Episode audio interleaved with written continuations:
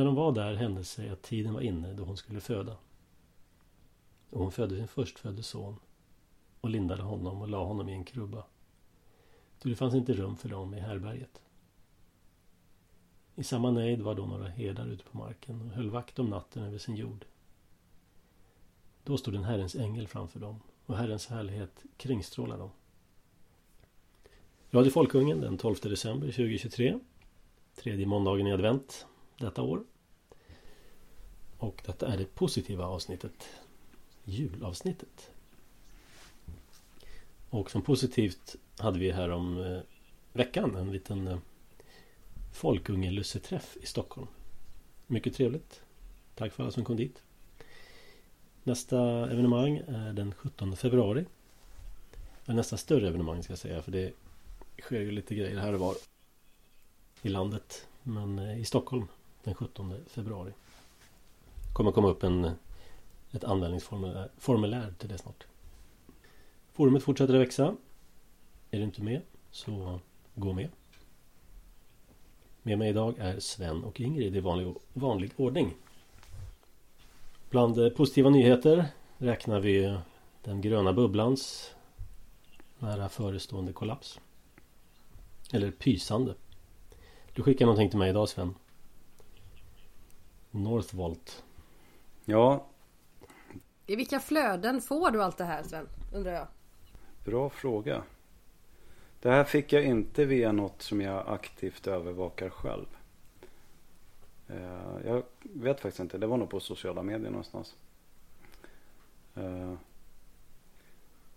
men eh, ja, det är en nyhet om Northvolt då. Och för de som inte känner till det så är det en batteritillverkare som har byggt en fabrik. Fortfarande bygger tror jag.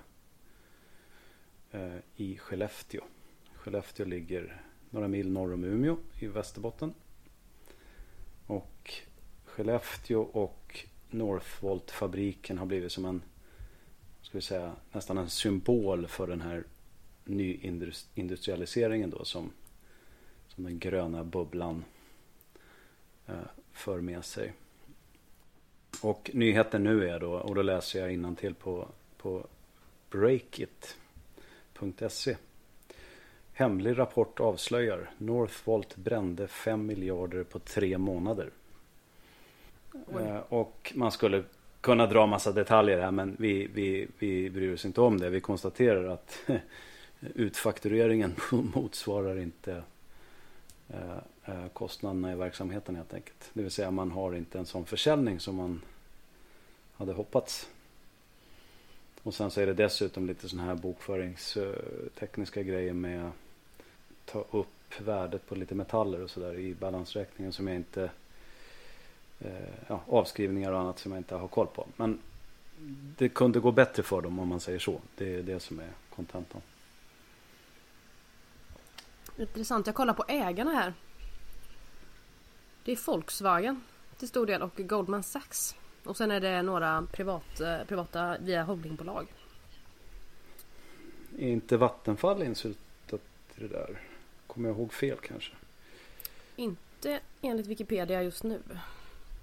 Nej. Det, det som är så obehagligt med, med de här jätteprojekten det är att det är att de, ger ju, de bygger på en idé om folkförflyttningar.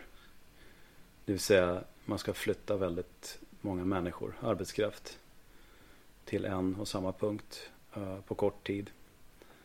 Och, och det här är ju man kan säga det spelar ingen roll om det är eh, kommunism, socialism eh, av Sovjetunionen och Stalin slag som ger upphov till sådana här förflyttningar eller om det är den här till kapitalism maskerad planekonomi.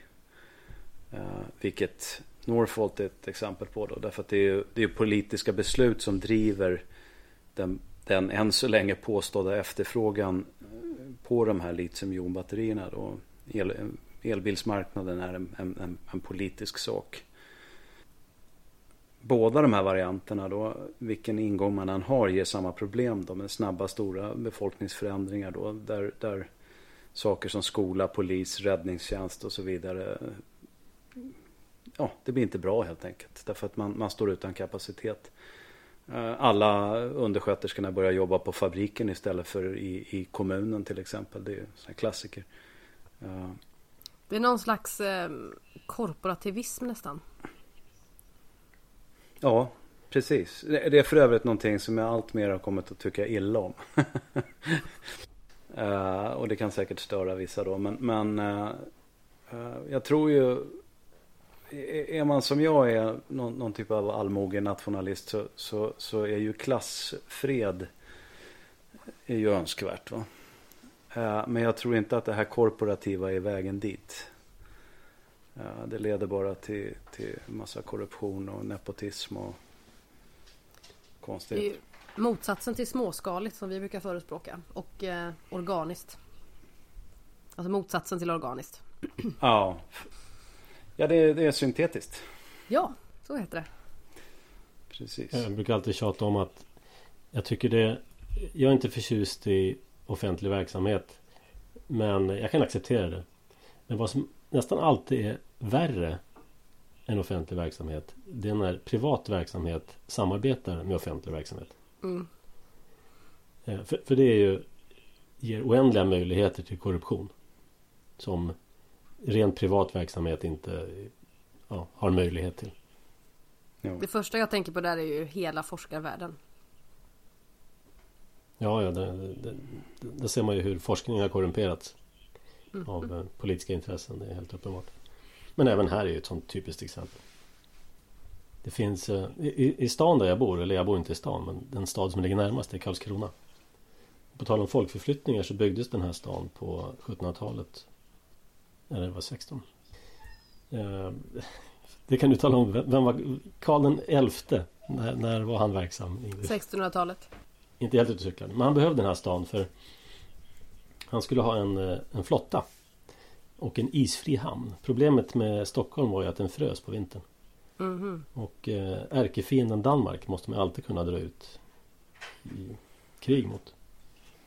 Så då letade han upp den här stan. Det finns ett antal öar utanför som, som skyddar stan då. Och så täppte man till då infarten med en massa sten som man öste ner. Och så hade man en infart och så la man två stycken fästningar på vardera sida som man kunde skjuta då på in och utpasserande. Eh, men i alla fall. Själva stan ligger på en, en stor ö. Och den där ön då ville ju Karl XI ha. Så då gick han till bonden då, som ägde den här ön. Och eh, la ett bud. Och han sa nej. Eh, Vittus Andersson hette, hette bonden. Och sen eh, så fängslar man den här bonden. Eller han fängslade honom. Satt han på vatten och bröd. Och efter ett tag frågade kungen igen om han ville sälja. Och det, det ville han faktiskt. Så då, då köpte han den här ön av den här bonden. Och sen skedde det enorma folkförflyttningar eh, hit. För att det skulle byggas en flotta här och all industri runt omkring som behövdes. Så det är också ett sånt, eh, en konstgjord stad egentligen från början. Om man är lite intresserad av sånt så kan man ofta bara se på stadskartorna ungefär när de är anlagda och förstå eh, varför. Och jag tittar på kartan här då ser man ju ser man fort att det är en ytterst anlagd stad. Mm.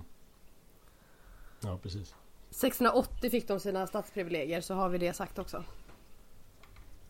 Och då var det så att det var en så fruktansvärt tråkig stad tyckte alla de här officerskvinnorna som tvångsförflyttades hit.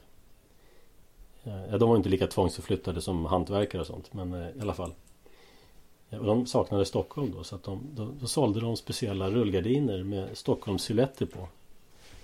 Så de var trötta på att se stan så drog de drog ner rullgardinerna så såg de Stockholm och kände sig hemma igen. Ja, ja.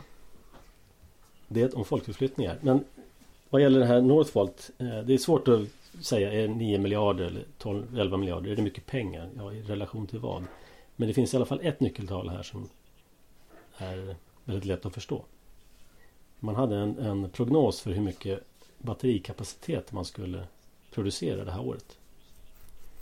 Och man skulle vara uppe i batterier motsvarande 16 000 megawattimmar om man producerade 80 stycken megawattimmar. Det vill säga 5 promille av planerad kapacitet. Åh herregud. Då kan man få en känsla för vilken succé det här är. Mm. Så det är en positiv nyhet. Ja. Jag måste bara nämna när vi pratar om just sådana här städer som flyttas. Kiruna Där har vi ett sånt praktexempel. På en stad som man eh, flyttar efter efter, efter behag så att säga. Just det. Det är också en statligt ägd gruva. Ja. Det är inte bara när det är eh, det allmänna, det vill säga kungen eller i Kirunas fall då eh, statliga bolag, gruvbolaget LKAB. Eh, Detroit i USA kan ju få känna på exempel där det är en ja, där marknadsekonomin kan ge upphov till eh, så här kortlivade eh, Eh, en storhetstid då hos en stad som, är, som, som, som, som blir kortlivad och uh, slutar i katastrof. Då. Bilindustrin i Detroit uh, ledde ju till en fantastisk ekonomisk utveckling och massa jobb och hit och dit. Och sen blev det utkonkurrerat i stort sett av japanerna om man vill vara elak. Uh, och Detroit idag är ju ingen, som jag förstår det, trevlig stad. Är det så alltså? Ja, det är mycket problem med Detroit. Ja. Men jag skulle, jag skulle, jag skulle nog hävda att eh, det är ett polit, det är politisk, politiskt då, vanstyre bakom även där. Det finns ingen anledning att en bilindustri i USA inte ska kunna konkurrera med en japansk. Liksom. Ja, så kan det ju förstås vara. Men, men, just det här att när man lägger alla ägg i en och samma korg på något sätt. Då, mm. då kan det få rätt så skrämmande resultat. I Skellefteås fall, men det, det, jag, jag, brukar försöka nämna det när, när Northvolt nämns. Eh, varför byggde man där? Ja, det har att göra med att Skellefteå kommun förfogar över Skellefteå Energi. Som via vattenkraft eh, har eh, väldigt god tillgång till el. Då. Så att de kunde teckna väldigt bra avtal på det området. Mm. Och uh, det är inte tillgången på bra arbetskraft som gör att man väljer att bygga en jättefabrik i Skellefteå. Nej, för något uh, sånt organiskt uh, element finns det ju ofta som med Kiruna-exemplet då. Alltså gruva, det är ju svårt att flytta på fyndigheten, det förstår jag Ja, visst.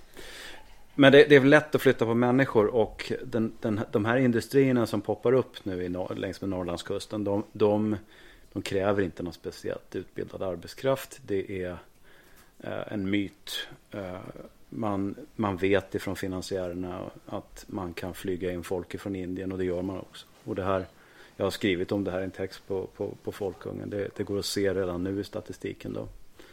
Eh, det, det är, man fyller på med, kan man säga, med män. Så att man bidrar, man ökar en redan skev könsfördelning och man fyller också på dem med folk från utlandet när, när, när människor som bor i Sverige inte vill eh, flytta till Skellefteå. Så är det.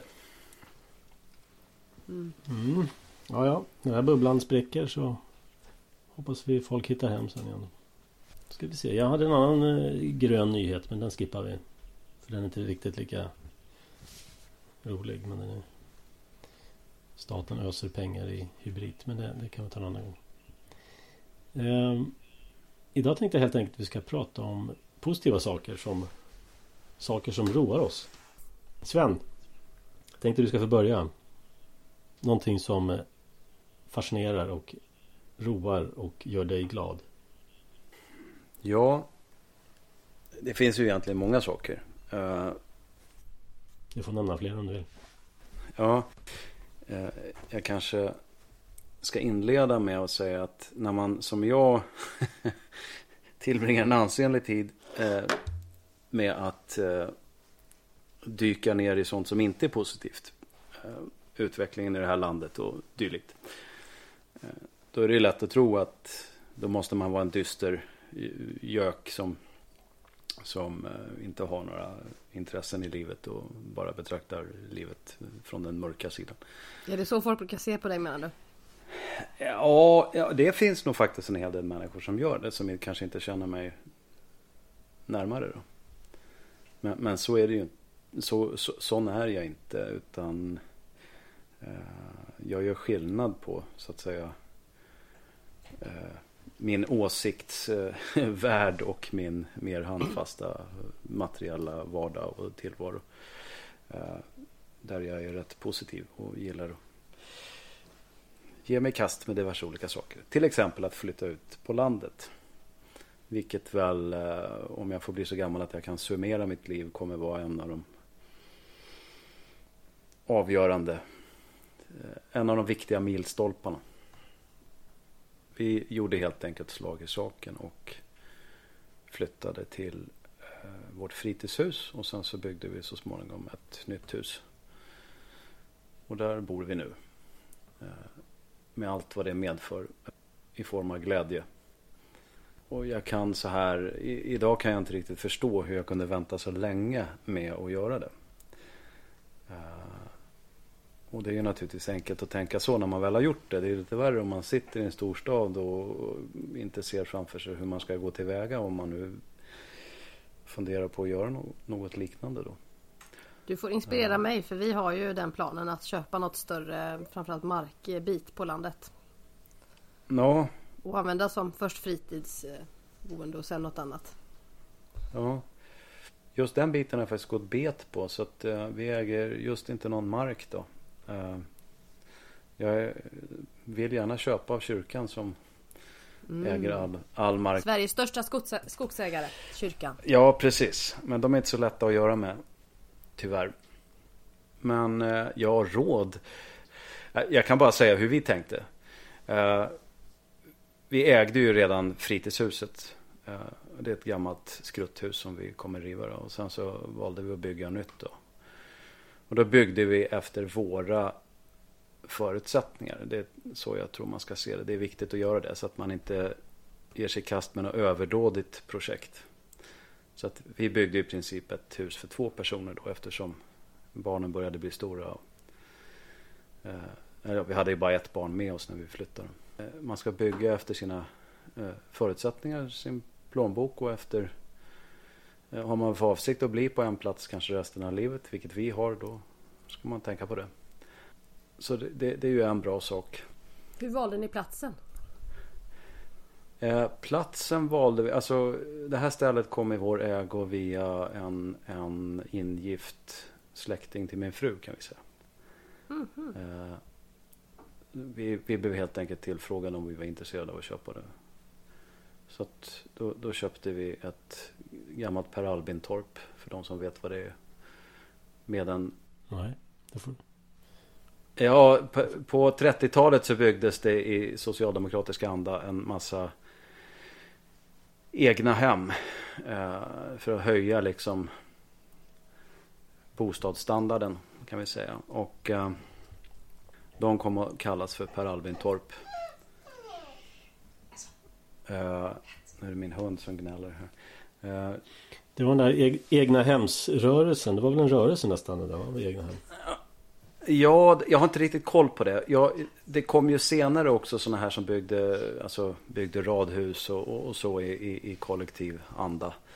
Uh, men, men, men Per Albin Torp, 30-talet, enkla, enkla småhus. Uh, och det här var ju en jordbruksfastighet då. Som sen på 60-talet eh, styckade man av en tomt och så sålde man de få, det kanske var en 3-4 hektar mark till det här. Så att eh, så såg det ut. Och vi har en granne som var precis likadant hus en gång i tiden. Men han har också byggt nytt då. Så att vi hade en slags koppling till, det, det, det, det tror jag också är viktigt. Eh, om eh, att gå till en mäklare och liksom hitta drömstället. Det kan vara väldigt svårt. Så att har man, om man umgås med idéer och flyttar ut på landet. Då ska man nog se det som ett rätt eh, ett, ett projekt som kan ta rätt mycket tid i anspråk i själva anskaffningsfasen så att säga. Man kan förstås ha tur och, och, och hitta ett jättebra ställe jättesnabbt och, och, och sådär och allting blir frid och fröjd. Men, men, det kan ju också bli lite annorlunda än så. Så att, äh, att låta det ta tid, det, det, tror jag är viktigt. Men sen måste man våga också. Mm. Det, det, är ju, det, det, är väl de kommentarer jag har fått, och speciellt från lite äldre människor, att, äh, ja, men att ni vågar liksom. Äh, det, det, så, och för mig är väl inte den frågeställning, det, det, är inte liksom, jag förstår inte riktigt den, men jag konstaterar att eftersom folk har sagt så, så, så måste det finnas många människor som ser det som ett väldigt stort projekt och liksom som någonting som kanske skulle oroa dem själva. Då. Men visst är det också så, så. att du har ju en fot kvar i eh, stadsmiljön på ett sätt? Nej, egentligen inte. För att det har jag fått senare då.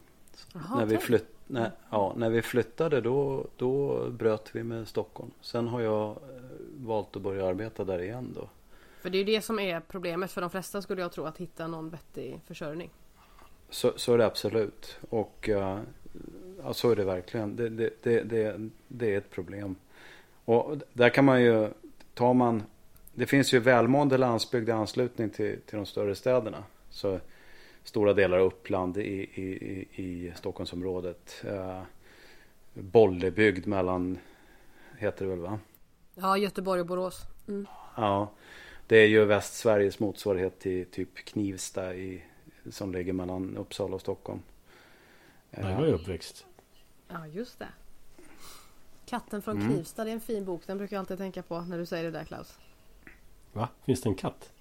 Ja, det är Pelle Svanslös.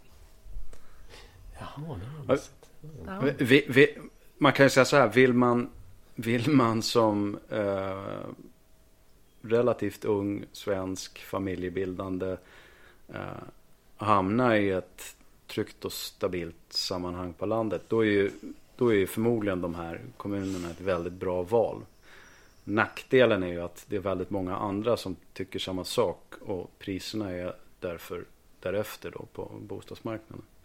Jag känner till Bollebygd mycket så väl och där har det ju nästan blivit eh, alltså, som, nästan samma priser som i ännu närmre kommuner. Särskilt under Corona så vill ju många flytta så. Ja. Där är, och sen så Sen finns det kommuner som är på dekis då. Eh, och kan ha jättelåga bostadspriser då. Men då har du problem med jobb. Du har problem med att det är väldigt hög kommunalskatt. Ja, det kan också vara en otäck kultur helt enkelt som har slagit klorna i, i kommunen. Jag ska inte baktala enskilda kommuner här nu, men det, det, det, det finns sådana kommuner då som eh, där får man nog göra lite research om man inte har anknytning till kommunen. Är det här en kommun man liksom vill bo i? Även om det här stället vi har hittat, det här verkar ju liksom perfekt. Men, men hur är den här kommunen egentligen? Så att man inte får en massa problem då med att man aldrig blir insläppt i någon gemenskap och kommunen bara jävlas med när det gäller alla tillstånd och bygglov och hit och dit och sådär. Så sådana saker kan man också kanske inte varna för men alltså man ska, man ska göra sin research helt enkelt. Det är väl en sån där klassiker också med eh, kommuner som har haft mycket sommarboenden.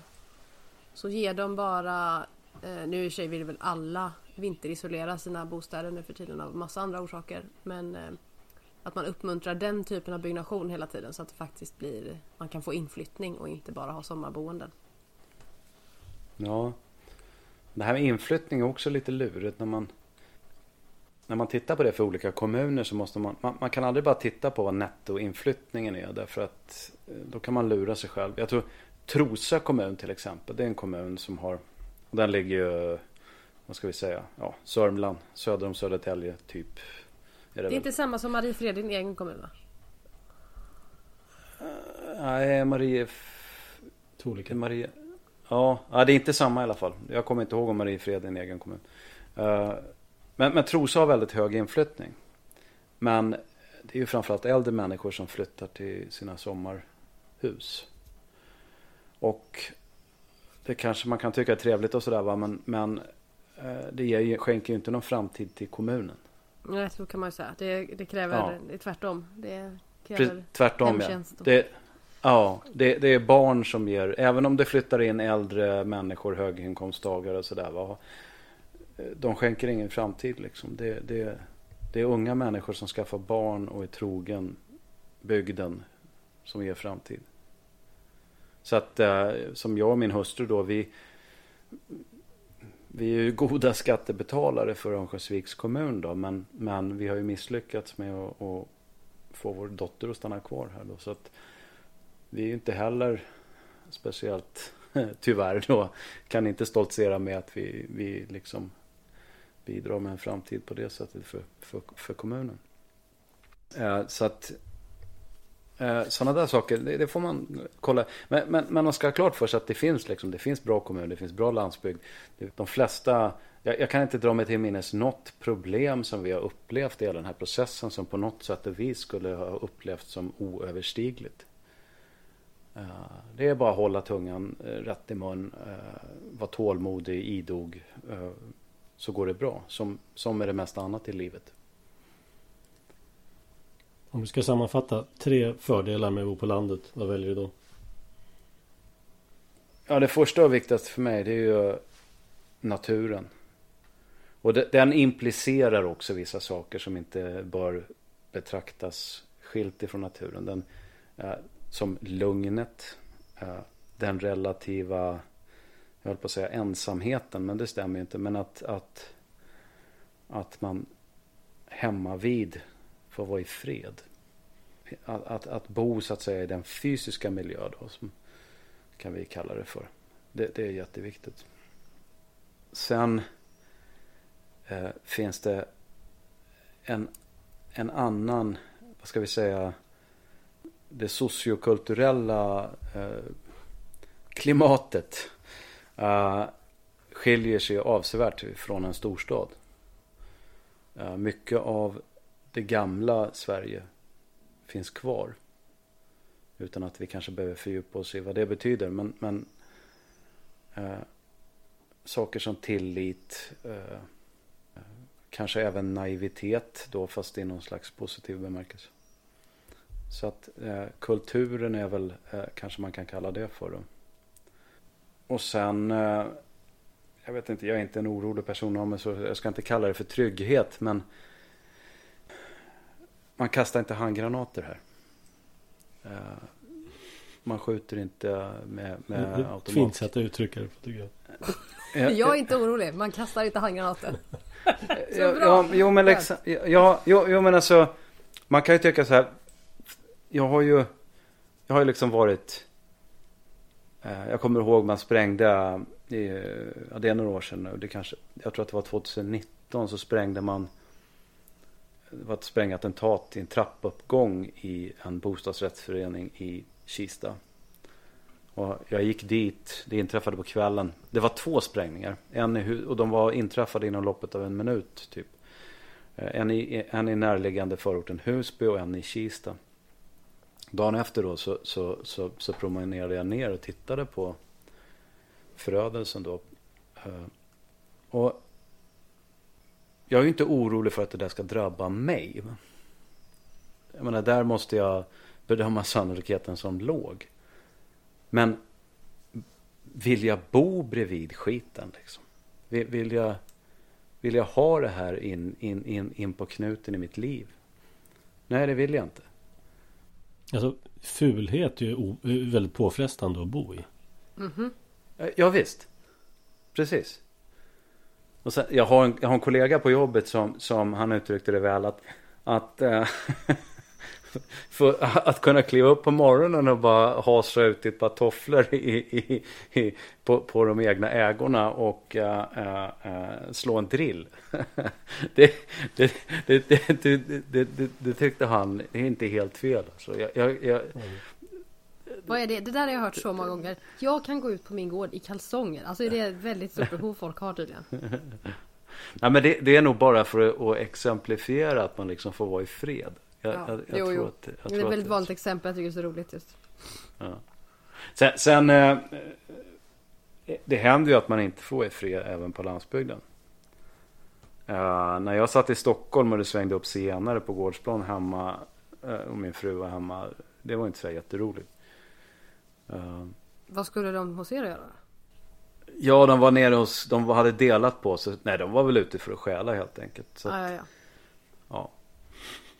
Eh, så, så, att det, det, men, men där tror jag ju snarare, jag tror så här att i staden så luras man att tro att hjälpen är så nära. Det, den är inte det. Jag har ju några telefonsamtal så, så finns det människor jag litar på som kan vara på plats hemma hos mig. Och ringer de till mig så är jag på plats hemma hos dem. Vid behov då. Så att uh, i stan så drunknar man i en anonymitet på något sätt. Och... Alltså ja och nej. Det, alltså, jag har håller med dig i sak där Sven. Men det går att bygga upp sådana gemenskaper i stan också. Jag är ett jättegott exempel på det i vår ganska stora bostadsrättsförening. Det hjälps alltid åt här om man behövs. Jo, nej men det, så, så, är det ju naturligtvis. Det, det finns eh, Eh, det finns exempel på både och. och. och. Det är också så, det ska man vara ärlig med. Det är inte eh, det är inte en patentlösning att flytta ut på landet om man söker någon slags närmare samarbete med, med, med grannar och grannskap och, och så här. Eh, utan ja, det är vin och vatten som i, i alla sammanhang. Där har jag faktiskt också sett en positiv trend tycker jag senaste åren med alla Facebookgrupper som finns. Hur folk hjälps åt alltså. Det är helt fantastiskt. Jag vill låna en sån här Lucia-nattlinne ena stunden och sen ska någon ha en stavmixer och folk alltid ställer upp. Jag vill inte låna ut mina grejer så mycket kan jag säga. Men eh, de flesta verkar eh, få hjälp. Du måste också lära dig att vara med och ställa upp Ingrid. jag ställer upp på så många sätt. Herregud vad jag engagerar mig jämt. Men jag vill inte låna ut mina grejer. De kommer ju aldrig tillbaka i samma skick. Ja, jag förstår. Jag berätta om min berömda sax som jag hade hela min skoltid. Mamma hade skrivit telefonnummer på namn och nummer och sånt där. Och den skulle ju folk alltid låna. Men den har blivit så berömd så den kom liksom alltid tillbaka även på en stor eh, högstadieskola. Så kom någon lärare med den. Här är din sax som någon har lånat av dig igen. Jaha. Ja, nej, men det, det är kul. Eh, det var, ska vi säga, det var det första var alltså naturen va? Var du inne på andra och tredje också? Eller? Ja, alltså naturen, kulturen och avsaknaden av, avsaknaden av en rad fula fenomen som finns i staden. Då. Granatkastning till exempel. De dåliga sidorna av, eh, av staden. Jag trodde du skulle säga som nummer tre Närheten till batterifabrik För ni har väl en nej, Två, nej, tre nej, stycken nej. inom en mils radie i hela var man än bor i Norrland eller? Nej det, man, nej det har vi ju inte utan den, Men däremot så är den traditionella industrin närvarande Och det är ju på gott och ont Och, det... och vindkraften ska vi inte tala om Oj vad du har den nära Ja inte där jag bor faktiskt Jag får nog åka några mil in i landet för att komma till den Men uh, och eftersom eh, Höga Kusten är ju världsarv då. Eh, så att det lägger ju lite band på den värsta even liksom. Men, men eh, det här i naturen det, det, det, sammanfattar ju så mycket. Liksom. Det är ju dels att man har nära till, till, till skog och mark och, och i vårt fall hav. Eh, men även att vi kan odla hemma och ja, att vi bokstavligen Ja, vi är nästan en del av naturen. Eh, mm. Det, det, tror jag lockar väldigt många också. Det, det, är nog många av de som sitter och funderar på liksom att ja, jag skulle nog vilja liksom flytta ut. De har nog rätt mycket av det här gröna intresset på ett eller annat sätt. Det kan vara jakt, fiske eller odling eller ja, ja liksom, eller allt, alltihop på en och samma gång.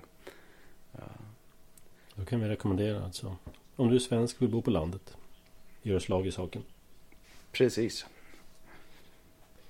Trevligt. Det var någonting som gör eh, Sven glad. Jag måste ju säga att jag delar det. För jag bor ju också på landet.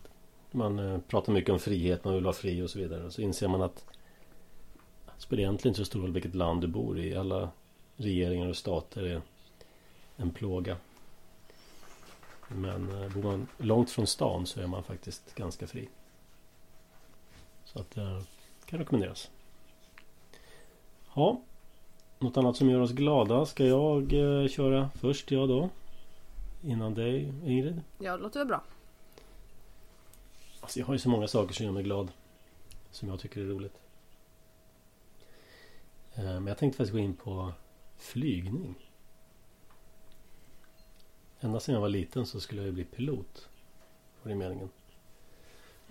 jag hade såna här broschyrer. Ljungbyheds trafikflygarskola och allt vad det hette. Och läste det där. Sen gick jag gymnasiet. Och så hamnade jag på avvägar på något sätt. Jag gick natur. Och sen började jag på KTH. Blev civilingenjör. Men hur gick så det, det spårade till? ur. jag, jag, vet faktiskt inte hur det gick till. Jag, det var på något sätt som så att Jag gick på natur och sen så var det Jag var väldigt naiv på den tiden. Så jag visste inte vad man skulle göra efter det. Det var en kompis som visade mig en broschyr från KTH. Det var massa glada människor som satt i roliga overaller på inre borggården där. Nej, blev du lockad med kårliv och sånt? Ja, en broschyr med glada människor på. Oj. Så då hörde jag att det fanns något som hette civilingenjör och sen så, ja, det kan det bli. Så blev jag det. Elektro. Och sen försvann det där piloteriet.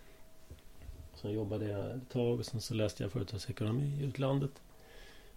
Sen så var det helt borta det där. Men eh, drömmen om att flyga har jag alltid haft. Så att eh, då tänkte jag så här, men då kan jag då bestämde jag mig för att jag ska bli privatflygare. Och eh, då började jag med eh, ultralättflygning. Vad är det? Ultralätt, ultralätt är en lättare klass av flyg. Där, eh, man behöver bara 25 flygtimmar med en lärare. Så lite? Och, eh, ja. Det är ju mindre än ett körkort nästan. Ja, det kan man säga. Eller som ett körkort. Dessutom så får du börja Du får faktiskt ta flygcertifikat när du är 17 Men Mm. bil när du är 18 En liten lustighet Sverige är faktiskt ganska bra när det gäller flygning Ehm, Du får i stort sett landa och starta var du vill Om det är lämpligt Och du har markägarens tillstånd Så är det inte alls i alla länder Vi har ju långa traditioner med flyg också. Ja, precis. Ja, men så då flyger man och sen så tar man nio stycken teorikurser. Och det är allt från aerodynamik till meteorologi till flyg, luftens lagar, det är hur människan fungerar, människans begränsningar. Det är radiokommunikation, ja, allt möjligt. Och sen eh, så flyger man upp. Och sen flyger man. Ehm, men sen några år senare så tog jag ett flygplan. Ultralätt är ju då max två personer och vad är det 550 kilo max startvikt. 550 ehm. kilo på, flyg, på själva flygplanet eller total? Totalt. Okej, ja då blir det väldigt lätt eh, ekipage. Så, li- lätt maskin. Ehm, och det finns tre varianter på ultralätt. Det ena är flygplan. Det andra är något som heter eh, trike. Det är, ja, man sitter i öppen hytt oftast. Och så är det en vinge som man styr med en bygel. Brukar det vara. Som är lös liksom. Som sitter upp, monterad uppe på. Och så finns det gyrokopter. Och det var gyrokopter då som jag valde att flyga. Det ser ut som en, eh, ser ut som en helikopter men det fungerar mer som ett flygplan faktiskt. En, en helikopter. Därför att den har ingen Den har ingen drift på huvudrotorn utan det är en, en motor och en propeller i bak som trycker på. Mm, så det är mer framåt än uppåt. Ja precis, om du tänker en, en helikopter så har den en rotor som liksom suger, den lutar lite neråt och suger fram Ja. flygplan, eller helikoptern. En gyrokopter har en rotor som är bakåtlutande. Och så trycker propellern i bak fram den. Och den här huvudrotorn ovanpå den roterar av vinddraget bara egentligen. Mm. Vad händer då om man får motorstopp? Mycket bra fråga. Eh, det finns nästan ingen flygfarkost som är säkrare än Eurocopter vid just motorstopp. Rotorn är i vad som kallas för självrotation. Det betyder att om du bara stänger av motorn och bara faller neråt så kommer den fortsätta rotera av vinddraget som inget hänt. En, eh, det enda du behöver ha, du behöver bara hitta en liten landningsyta. Och du behöver bara 20 meter. Om du, om du kan pricka. Du kan landa på en fotbollsplan liksom om det är så. Vad blir, vad blir det för nedslagshastighet? Ja, du ska inte landa platt rakt ner för då bryter du benen. Men du landar som ett flygplan. Du liksom planar ut och rullar framåt. Segla Så du ner. behöver, du behöver en viss sträcka för att, för att landa på. Men det är, inte, det är inte många meter. Men om du bara skulle lan- landa rakt ner, ja jag vet inte om du landar med ja, fyra meter i sekunden eller någonting kanske. Så det blir en bra smäll. Men en helikopter som får motorstopp. Då har du någon sekund på dig att ställa om rotorbladen så att, du ham- så att de fortsätter rotera så att de hamnar i självrotation. Då kan du landa en helikopter, liksom glidlanda den på samma sätt också. Men det är ett handgrepp då som du måste snabbt kunna göra. Men eh, gyrokoptern är redan i autorotation så den är säker på det sättet. En annan, annan fördel också eh, mot flygplan och det är att du kan aldrig få stål som det heter. Om du flyger ett flygplan för långsamt eller med för brant vinkel då slutar vingen lyfta. Då faller du, faller du ner. Och just landningen är det farligaste momentet när du flyger ett flygplan. Därför att du flyger in med låg hastighet för att du ska kunna stanna på landningsbanan. Och låg höjd. Och då är du väldigt nära stålhastigheten. Mm. Så det är många olyckor som sker just vid landningen när man kommer in för låg hastighet. Man kanske gör en sväng eller någonting och då dras man i backen. En gyrokopter kan aldrig hamna i stål. Och det var därför den uppfanns faktiskt. För det var en, en som hade förlorat sin en, en vän i vanlig flygplansflygning. Så han uppfann den här farkosten för att det skulle vara säkrare. Men sen var det så att det är en så enkel konstruktion. Sådana här Hobbex-kataloger och sånt började göra ritningar på gyrokoptrar. Byggde en egen. Oj. Ja, ja. Eh, Så det var det väldigt många som byggde entusiaster. Och det var inget fel på dem. Du kan absolut bygga en sån utifrån en ritning. Problemet är att man kan inte lära sig flyga än från en Hobbex-katalog. Så att eh, det var en hel del människor som flög ihjäl sig med de där och då fick de dåligt rykte. Även fast maskinerna var fullt dugliga. Vad var det som gjorde att man inte kan lära sig flyga en sån? Alltså har, de har lite speciella egenskaper. Bland annat så vid starten till exempel så måste man få tillräcklig du måste, du måste ge huvudrotorn en viss fart innan du kan lyfta. Innan du till, ja, faktiskt innan du kan gasa ens för högt. Därför att vad som händer är om du tänker så här att du ställer rotorn på sidan så här från vänster till höger och sen så drar du på gas. Då kommer du få lyft på ena sidan och nedtryck på andra. Så du kommer välta den åt sidan. Mm. Så att för det första så måste man då ha tillräckligt hög snurr på rotorn innan du börjar dra på gas.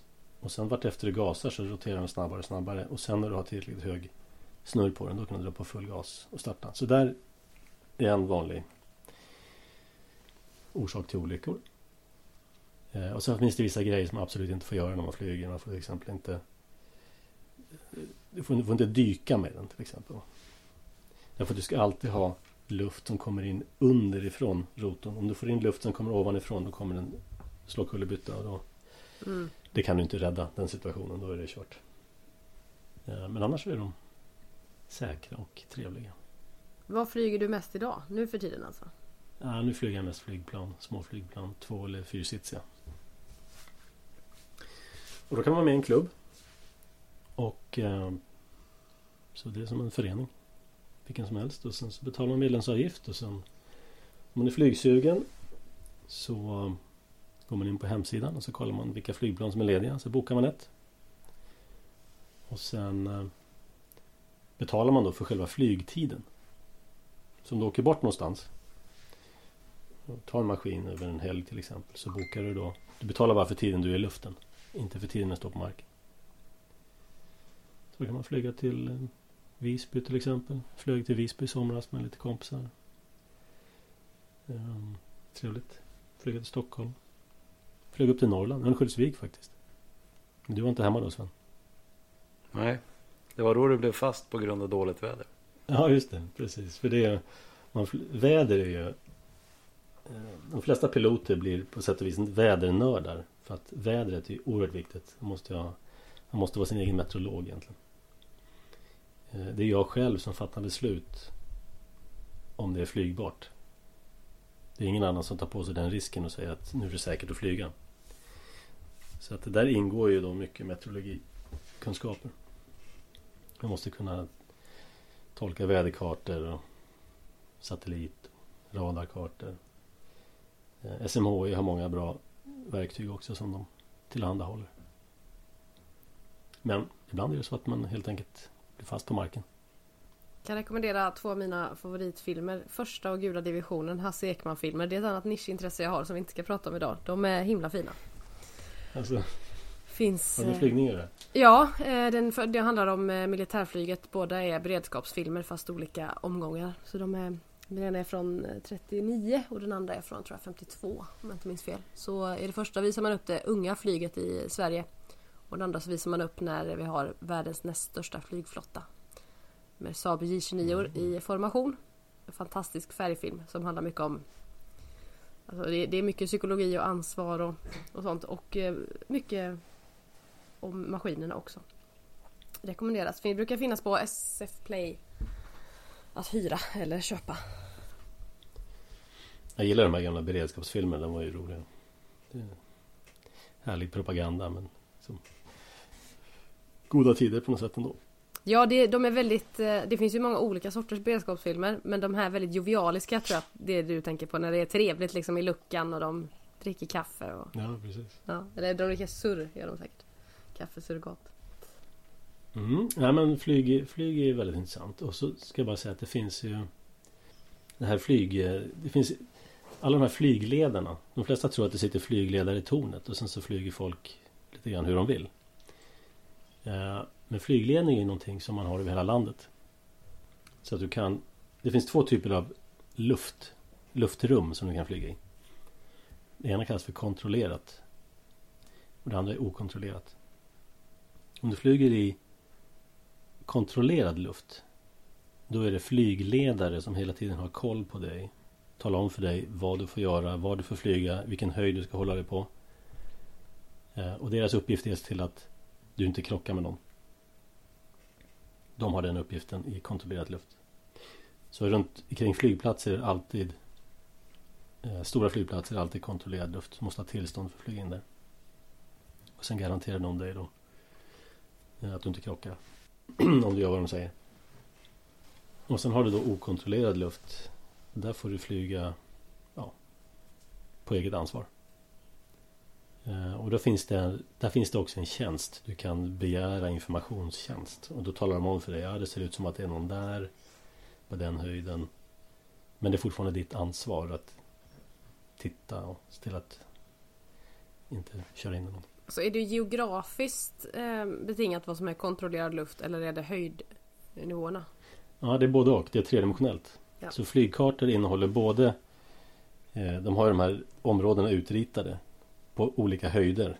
Det står alltid liksom, Det står en uppsättningssträck Då som gäller på den höjden och över Så nästa uppsättningssträck Och så vidare. Så man måste De här flygkartorna är då tredimensionella På det sättet.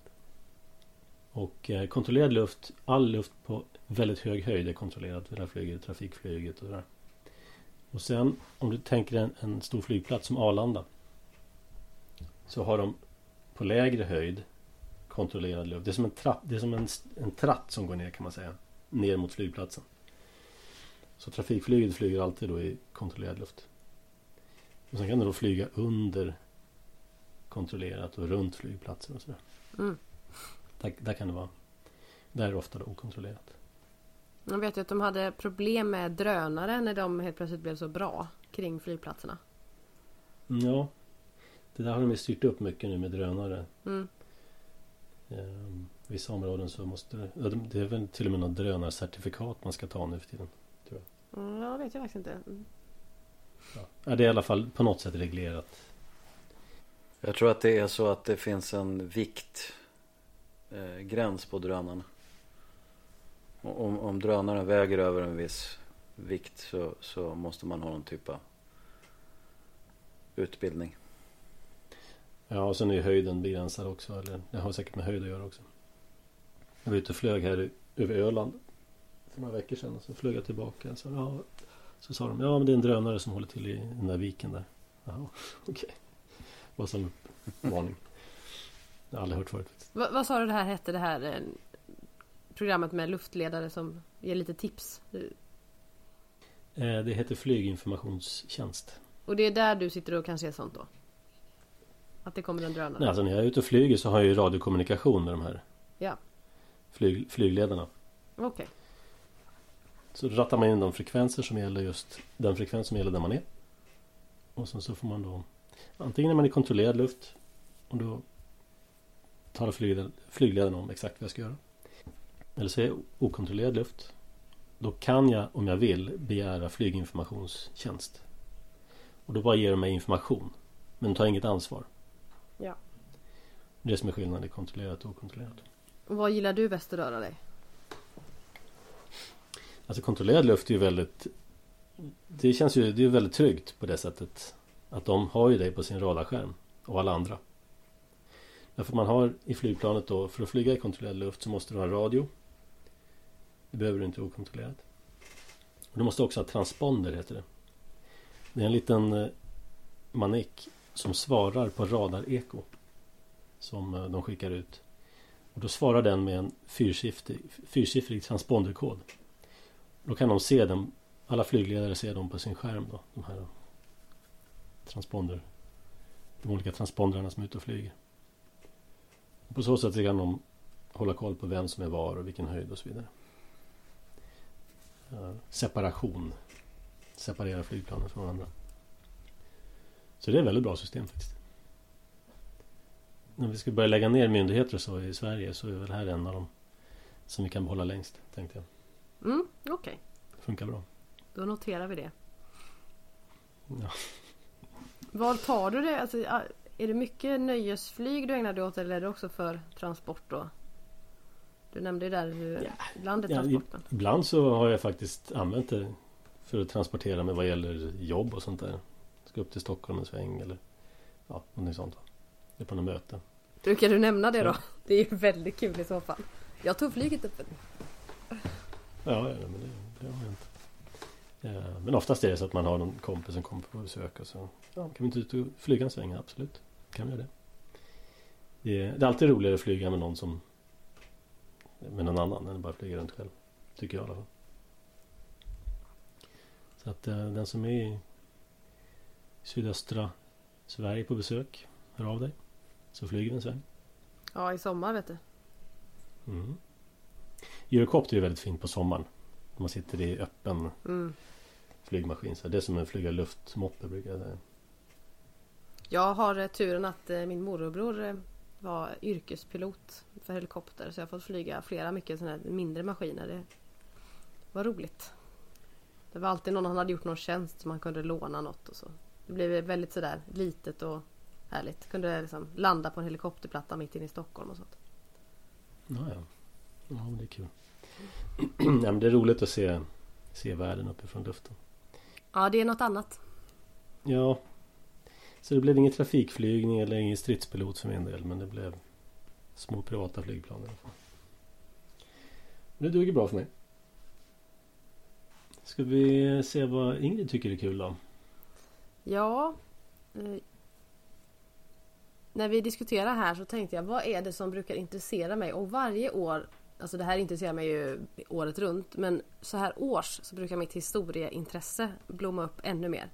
Det är ju någonting med traditionerna och jag kanske börjar undra någonting så går det något roligt program på TV om någon någonting eh, någon kung eller så och just kungahus har blivit mitt eh, nischintresse och jag vet inte riktigt varför.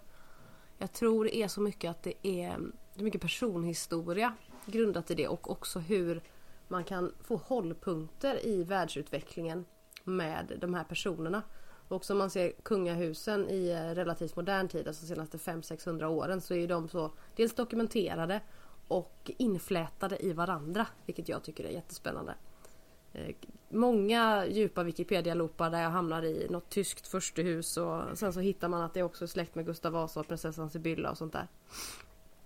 Eh, Det tycker jag är kul. Det är ju väldigt sammanflätat Mm. det där. De kungahusen, kusiner och ja, ihop. Vilket gör de här, de här stora krigen ganska märkliga egentligen. Ja, Krigen först, mot sina släktingar.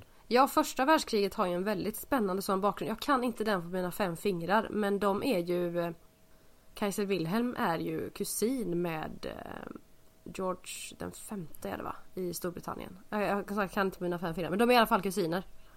Eh, och också kusin med tsaren Nikolaj i Ryssland och ändå krigar mot varandra. Mm. Ja. Jag tror det finns någon sån nu. Om det är Youtube eller SVT. Men det finns just man nystar upp historien kring första världskriget utifrån Kaiser Wilhelm och eh, släktbanden där.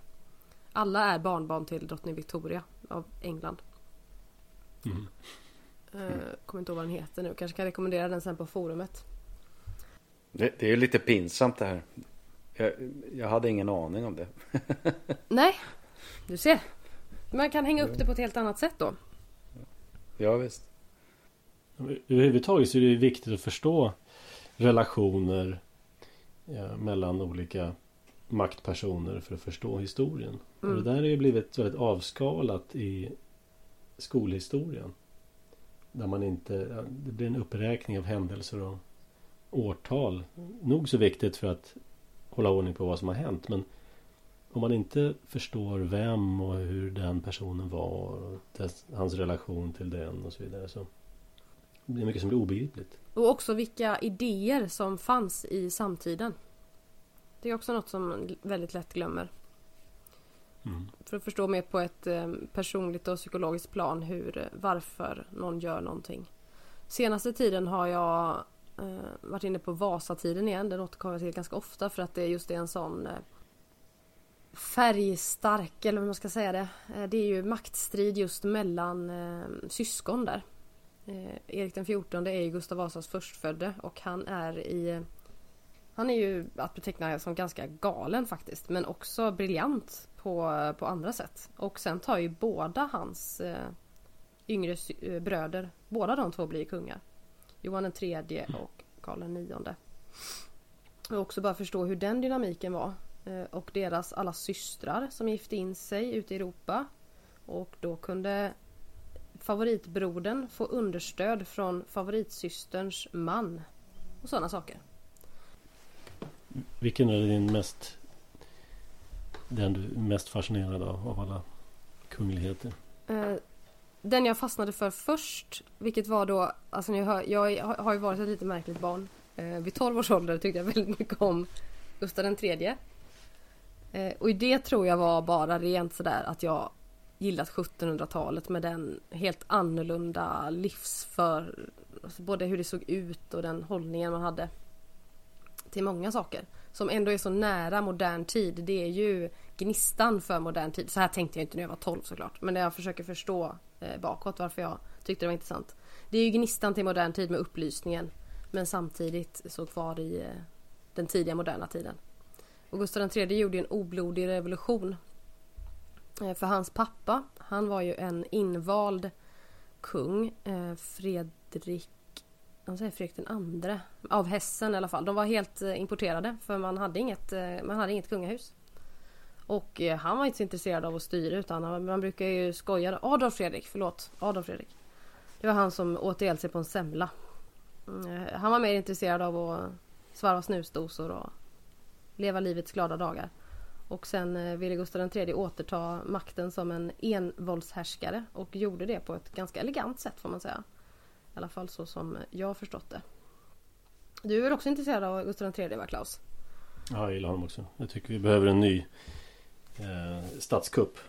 En ny kung som avslutar det här experimentet. Frihetstiden. Så att, eh, Bort med den, frihetstiden. så ka- ja, den så kallade frihetstiden brukar jag alltid säga. Mm, In med den upplysta despoten. Ja. Eh, ja, precis. Eh, Adolf Fredrik, jag har en sån här gammal historiebok. Jag kan, jag kan rekommendera att man letar upp en gammal historie, skolhistoriebok. Ja, de är jättebra ofta. Alltså spännande att se. Ja, och du kan, du kan bara gå in på Runebergarkivet också. Där finns det massor. Och så läser man en sån och jämför då med en, en histor- skolhistoria från idag. Som är så tråkig som man somnar. Men de här gamla, de var liksom fulla av berättelser om personer. Och han var si och han var så. Och det är naturligtvis inte, vad ska man säga, acceptabelt. Det är inte acceptabelt idag att lägga in sådana såna här subjektiva bedömningar av människor. Eh, men det gör ju historien så mycket mer intressant att läsa och det blir begripligt också. Sen är det ju väldiga alltså förenklingar alltid i sådana böcker också naturligtvis. Det, det, här, den girige och sånt där kan det vara. Men, men ändå, det är ett karaktärsdrag som finns där av en orsak. Och sen kanske den är tillskriven det karaktärsdraget av sina motståndare, det vet man ju inte. Men eh, det är ändå något att hänga upp det på. Men, men är inte det här, är inte det här, det här att man har städat bort konservatismen. Där, alltså konservatismen sätter människan i centrum i någon mening. Eh, och utgår ifrån människans egenskaper. Eh, så man städar bort det då i, i skolan till förmån för systemtanken. Där allting är system och ideologier och mm. styrelseskick och, och, och, så här. Va? Det är liksom det, det, är ungefär som att ordningsmannen i klassen har tagit över. Uh, och, så, så, och så gäller inte eh, gatans lager från skolgården längre. Utan man ska försöka förstå världen genom ordningsmannens ögon. Vilket ju är dömt att misslyckas. Uh, kan det inte vara något sånt att, att, att, att man faktiskt i den äldre litteraturen man tillskrev verkligen de enskilda individernas eh, personligheter betydelse för hur historien utspelade sig. Inte bara betrakta allt som någon slags system. Eh, Intressant eh, tolkning. Jag har aldrig tänkt på det så faktiskt. Ehm, men det låter rimligt. Sen är jag inte den som tror att allt var bättre förr. Men ja.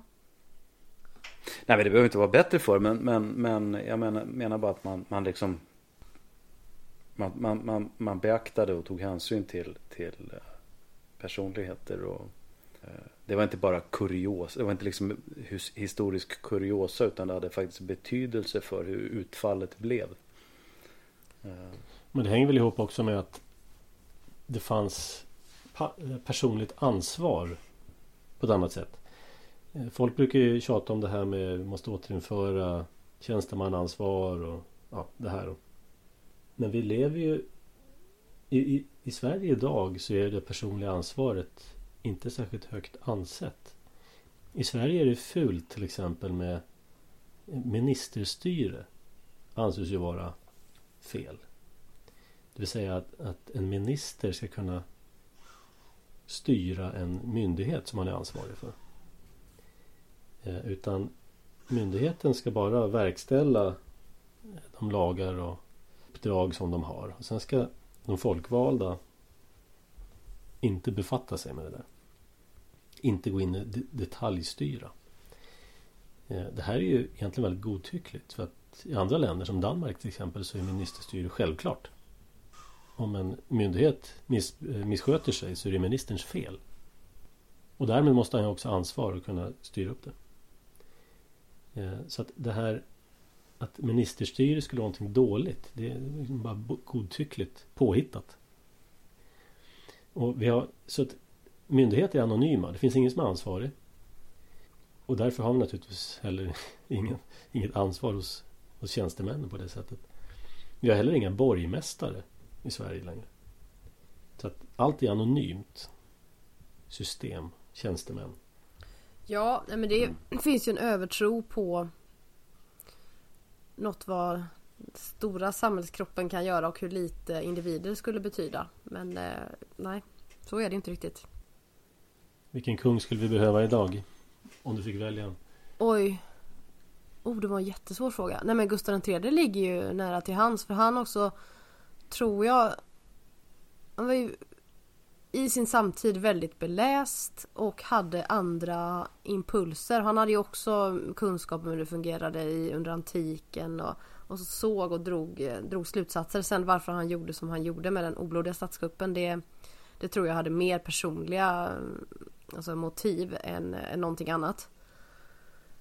Men någon som kan se det så och faktiskt förstå vart, vartåt det barkar, då, det är nog Gustav III.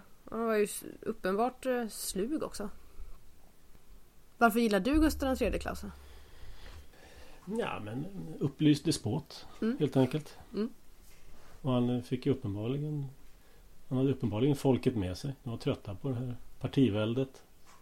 Han förstod ju också vad folket ville ha och det som vi pratade om sist där att man, man köper med sig folket genom lite olika reformer. Bland annat eh, ökade brännvinet kunde man bränna friare och sånt där. Han gjorde också en stor eh, jordreform. Ökade det privata ägandet av, av jorden, marken. Mm. Som ledde till eh, ganska stor produktivitets och välståndsutveckling. Ja det är ju också i samband, hans tid är ju i samband med de här stora skiftena som man också kan ha mycket att, säga om. Där man eh, just förbättrade produktiviteten av marken. Det är ju, han Rutger McLean är ju förgrundsgestalt i det. Som kommer de idéerna under Gustaviansk tid. Finns för övrigt en tv-serie om honom också. Rutger McLean. Från 90-talet någon gång. Mm. Mm, det finns mycket att lära av historien. Förresten, du som är från västkusten, du känner till Stefan Andersson? Va? Eh, sångaren? Ja. Eh, ja, det gör jag väl. Precis. Ja, men jag är på omvägar ingift släkt med honom. Ehm, och han gör ju Han har specialiserat sig på att göra historiska Vad ska man kalla det? Musikalbum.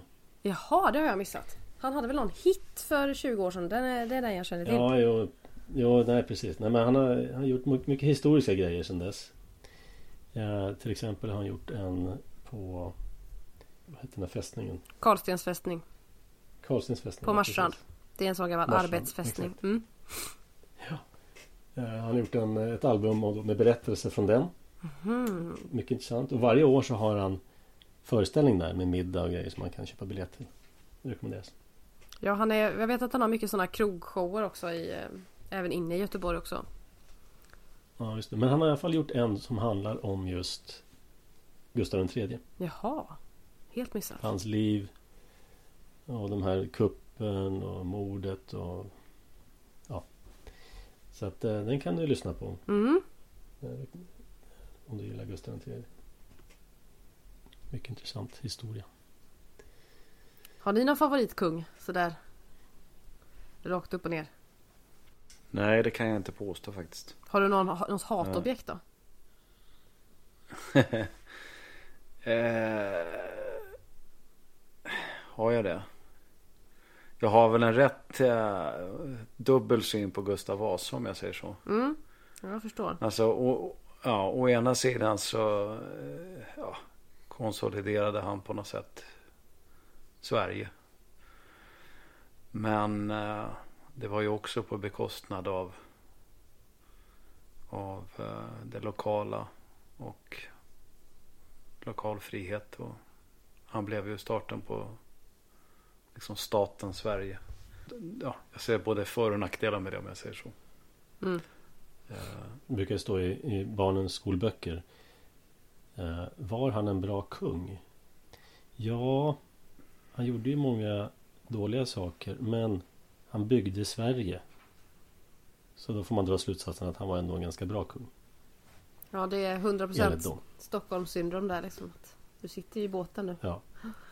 Alltså det här med att han byggde Sverige. Det var inte, det var inte så att liksom Uppland, Ångermanland och Västergötland inte fanns innan Gustav Vasa.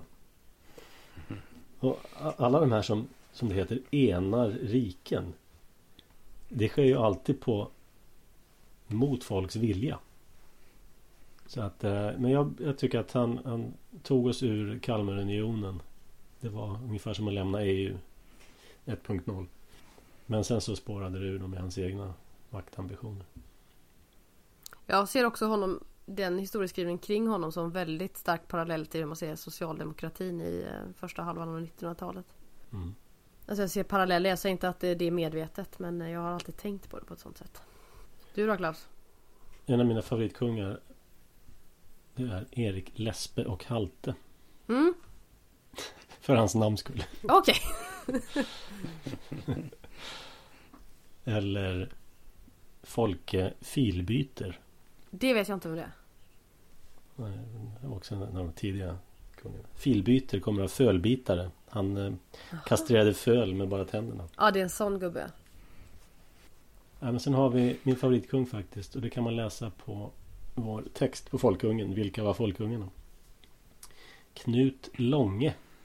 Den enda folkungen av de äkta folkungarna som någonsin har varit kung. Han var heller inte särskilt intresserad av att vara kung. Han ville bara bevara Svitjods frihet, självständighet. Så att om man läser den här texten, vilka var folkungarna, så kan man förstår man vilka folkungarna var och vilka kungar som eh, de hade att göra med. Eh, jag, jag, jag, får pass, jag får passa på att slå ett slag för den lilla människans historia i, i, eh, i det här sammanhanget. Nu pratar du om kungar, regenter. Uh, någonting man får läsa väldigt lite om i skolan det är uh, allmogens historia och en sån sak som till exempel uh, olika verktygsutveckling mm. och uppfinnande då som har haft jättestor betydelse. Och det här, mitt minne av historieämnet i, i skolan det var ungefär som att ja, människan tämjde elden och sen uppfann hon hjulet och sen var vi framme vid 1900-talet så blev det kärnvapenteknologi ungefär. Och, och det där det ger ju en en skev bild av, av alltså det är svårt att förstå historien om man inte förstår eh, vissa materiella omständigheter i, i vardagen helt enkelt. Eh, när började man använda fönster och hur gjorde man innan det fanns fönsterglas och uh, när kunde man börja tillverka hedliga järnspett uh, som ju är ett jätteviktigt redskap för bonden på 1800-talet och 1900-talet. Ja men det är verkligen en, en annan aspekt av historien som är minst lika intressant.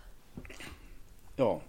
Samtidigt så har vi ju indelningen i de olika tiderna utefter vilka olika material vi har kunnat bearbeta. Jo, det har vi. Men den, den är ju väldigt översiktlig. Extremt grov. ja. Uh, och sen då, man är, som jag är intresserad av jakt så det, det är också Det är lite speciellt med Sverige då. Uh, vi har ju haft en allmogejakt här, vilket man i de flesta europeiska länder inte har haft då. Så precis det brukar min pappa säga också om historien att uh, Det är alltid härskarnas historia som, som det skrivs mest om. Så är det. Ja, när vi ändå pratar om kungar. Ska vi avsluta med några ord om den himmelske konungen. Jag brukar ju läsa julevangeliet till jul. Kan jag rekommendera att ni gör det i familjen innan ni river upp paketen. Vi får ta din uppläsning i år då. Ja. ja, men alla har en bibel hemma eller så kan man googla fram Lukas evangeliets andra kapitel. Där finner man det som kallas för julevangeliet. Ni vet kanske att eh, man brukar se den här historien med herdarna och sådär. Och sen så stjärnan och de vise männen. Om stjärnan och de vise männen, det läser man faktiskt i Matteus evangelium. Och eh, lägger man de här sida vid sida så inser man att stjärnan och de vise männen, det var några år senare faktiskt. Inte alls samma. De två berättelserna hänger inte ihop. Man brukar ju slå ihop dem när man gör sådana här julspel med barnen. Och så. Mm. så att den här historien går ut på att eh, Jesus styvfar Josef skulle skattskriva sig i sin hembygd i Juda, i Betlehems stad. Och så var han ju då trolovad med Maria, i stort sett gift, så hon var tvungen att följa med. Och de bodde i Nasaret i Galileen som ligger långt upp i norr. Så de skulle alltså gå hela vägen ner söderut. Uppförsbacke är det nästan hela vägen också. Jerusalem ligger högre upp. Jag sa han skulle till Betlehem, han skulle till Jerusalem. Jag sa fel. Och så skulle hon föda där då. Så att jag tänkte avsluta med att läsa den berättelsen. Och det hände sig vid den tiden att från kejsar Augustus utgick ett påbud att hela världen skulle skattskrivas. Detta var den första skattskrivningen och den hölls när Quirinius var landshövding över Syrien. Då färdades alla, var och en till sin stad, för att låta skattskriva sig. Så gjorde och Josef, eftersom han var av Davids hus och släkt. Så for han från staden Nasaret i Galileen upp till Davids stad, som heter Betlehem, i Judeen för att låta skattskriva sig jämte Maria, sin trolovade, som var havande. Medan de var där hände sig att tiden var inne då hon skulle föda. Och hon födde sin förstfödde son och lindade honom och la honom i en krubba. Då det fanns inte rum för dem i härberget. I samma nejd var då några herdar ute på marken och höll vakt om natten över sin jord. Då stod en Herrens ängel framför dem och Herrens härlighet kringstrålade dem. Och de blev mycket förskräckta. Men ängeln sa till dem Var inte förskräckta. Så jag bådar er en stor glädje som ska vederfaras allt folket. Ty idag har en frälsare blivit född åt er i Davids stad och han är Messias, Herren. Och detta ska för er vara tecknet. Ni ska finna ett nyfött barn som ligger lindat i en krubba. I detsamma sågs där jämte ängeln en stor hop av den himmelska härskaran. Och de lovade Gud och sa Ära vare Gud i höjden och frid på jorden bland människor till vilka han har behag. När så änglarna hade farit från herdarna upp i himlen sa dessa till varandra Låt oss nu gå till Betlehem och se det som där har skett och som Herren har kungjort för oss. Och de skyndade åstad dit och fann Maria, Josef och barnet som låg i krubban. Och när de hade sett det omtalade de vad som hade blivit sagt till dem om detta barn. Och alla som hörde det förundrade sig över vad herdarna berättade för dem. Men Maria, hon gömde och begrundade allt detta i sitt hjärta. Och herdarna vände tillbaka och prisade och lovade Gud för allt vad de hade fått höra och se. Alldeles så som det blivit dem sagt. Och därmed så önskar vi alla lyssnare god jul. God jul! Så hörs vi om några veckor igen. Vi önskar inte gott nytt år eller? För eh, vi vill prata innan ny nyår. Ja, men det ska vi väl försöka få till tycker jag. Ja, det tycker jag. Så god jul allihop. God jul. God jul!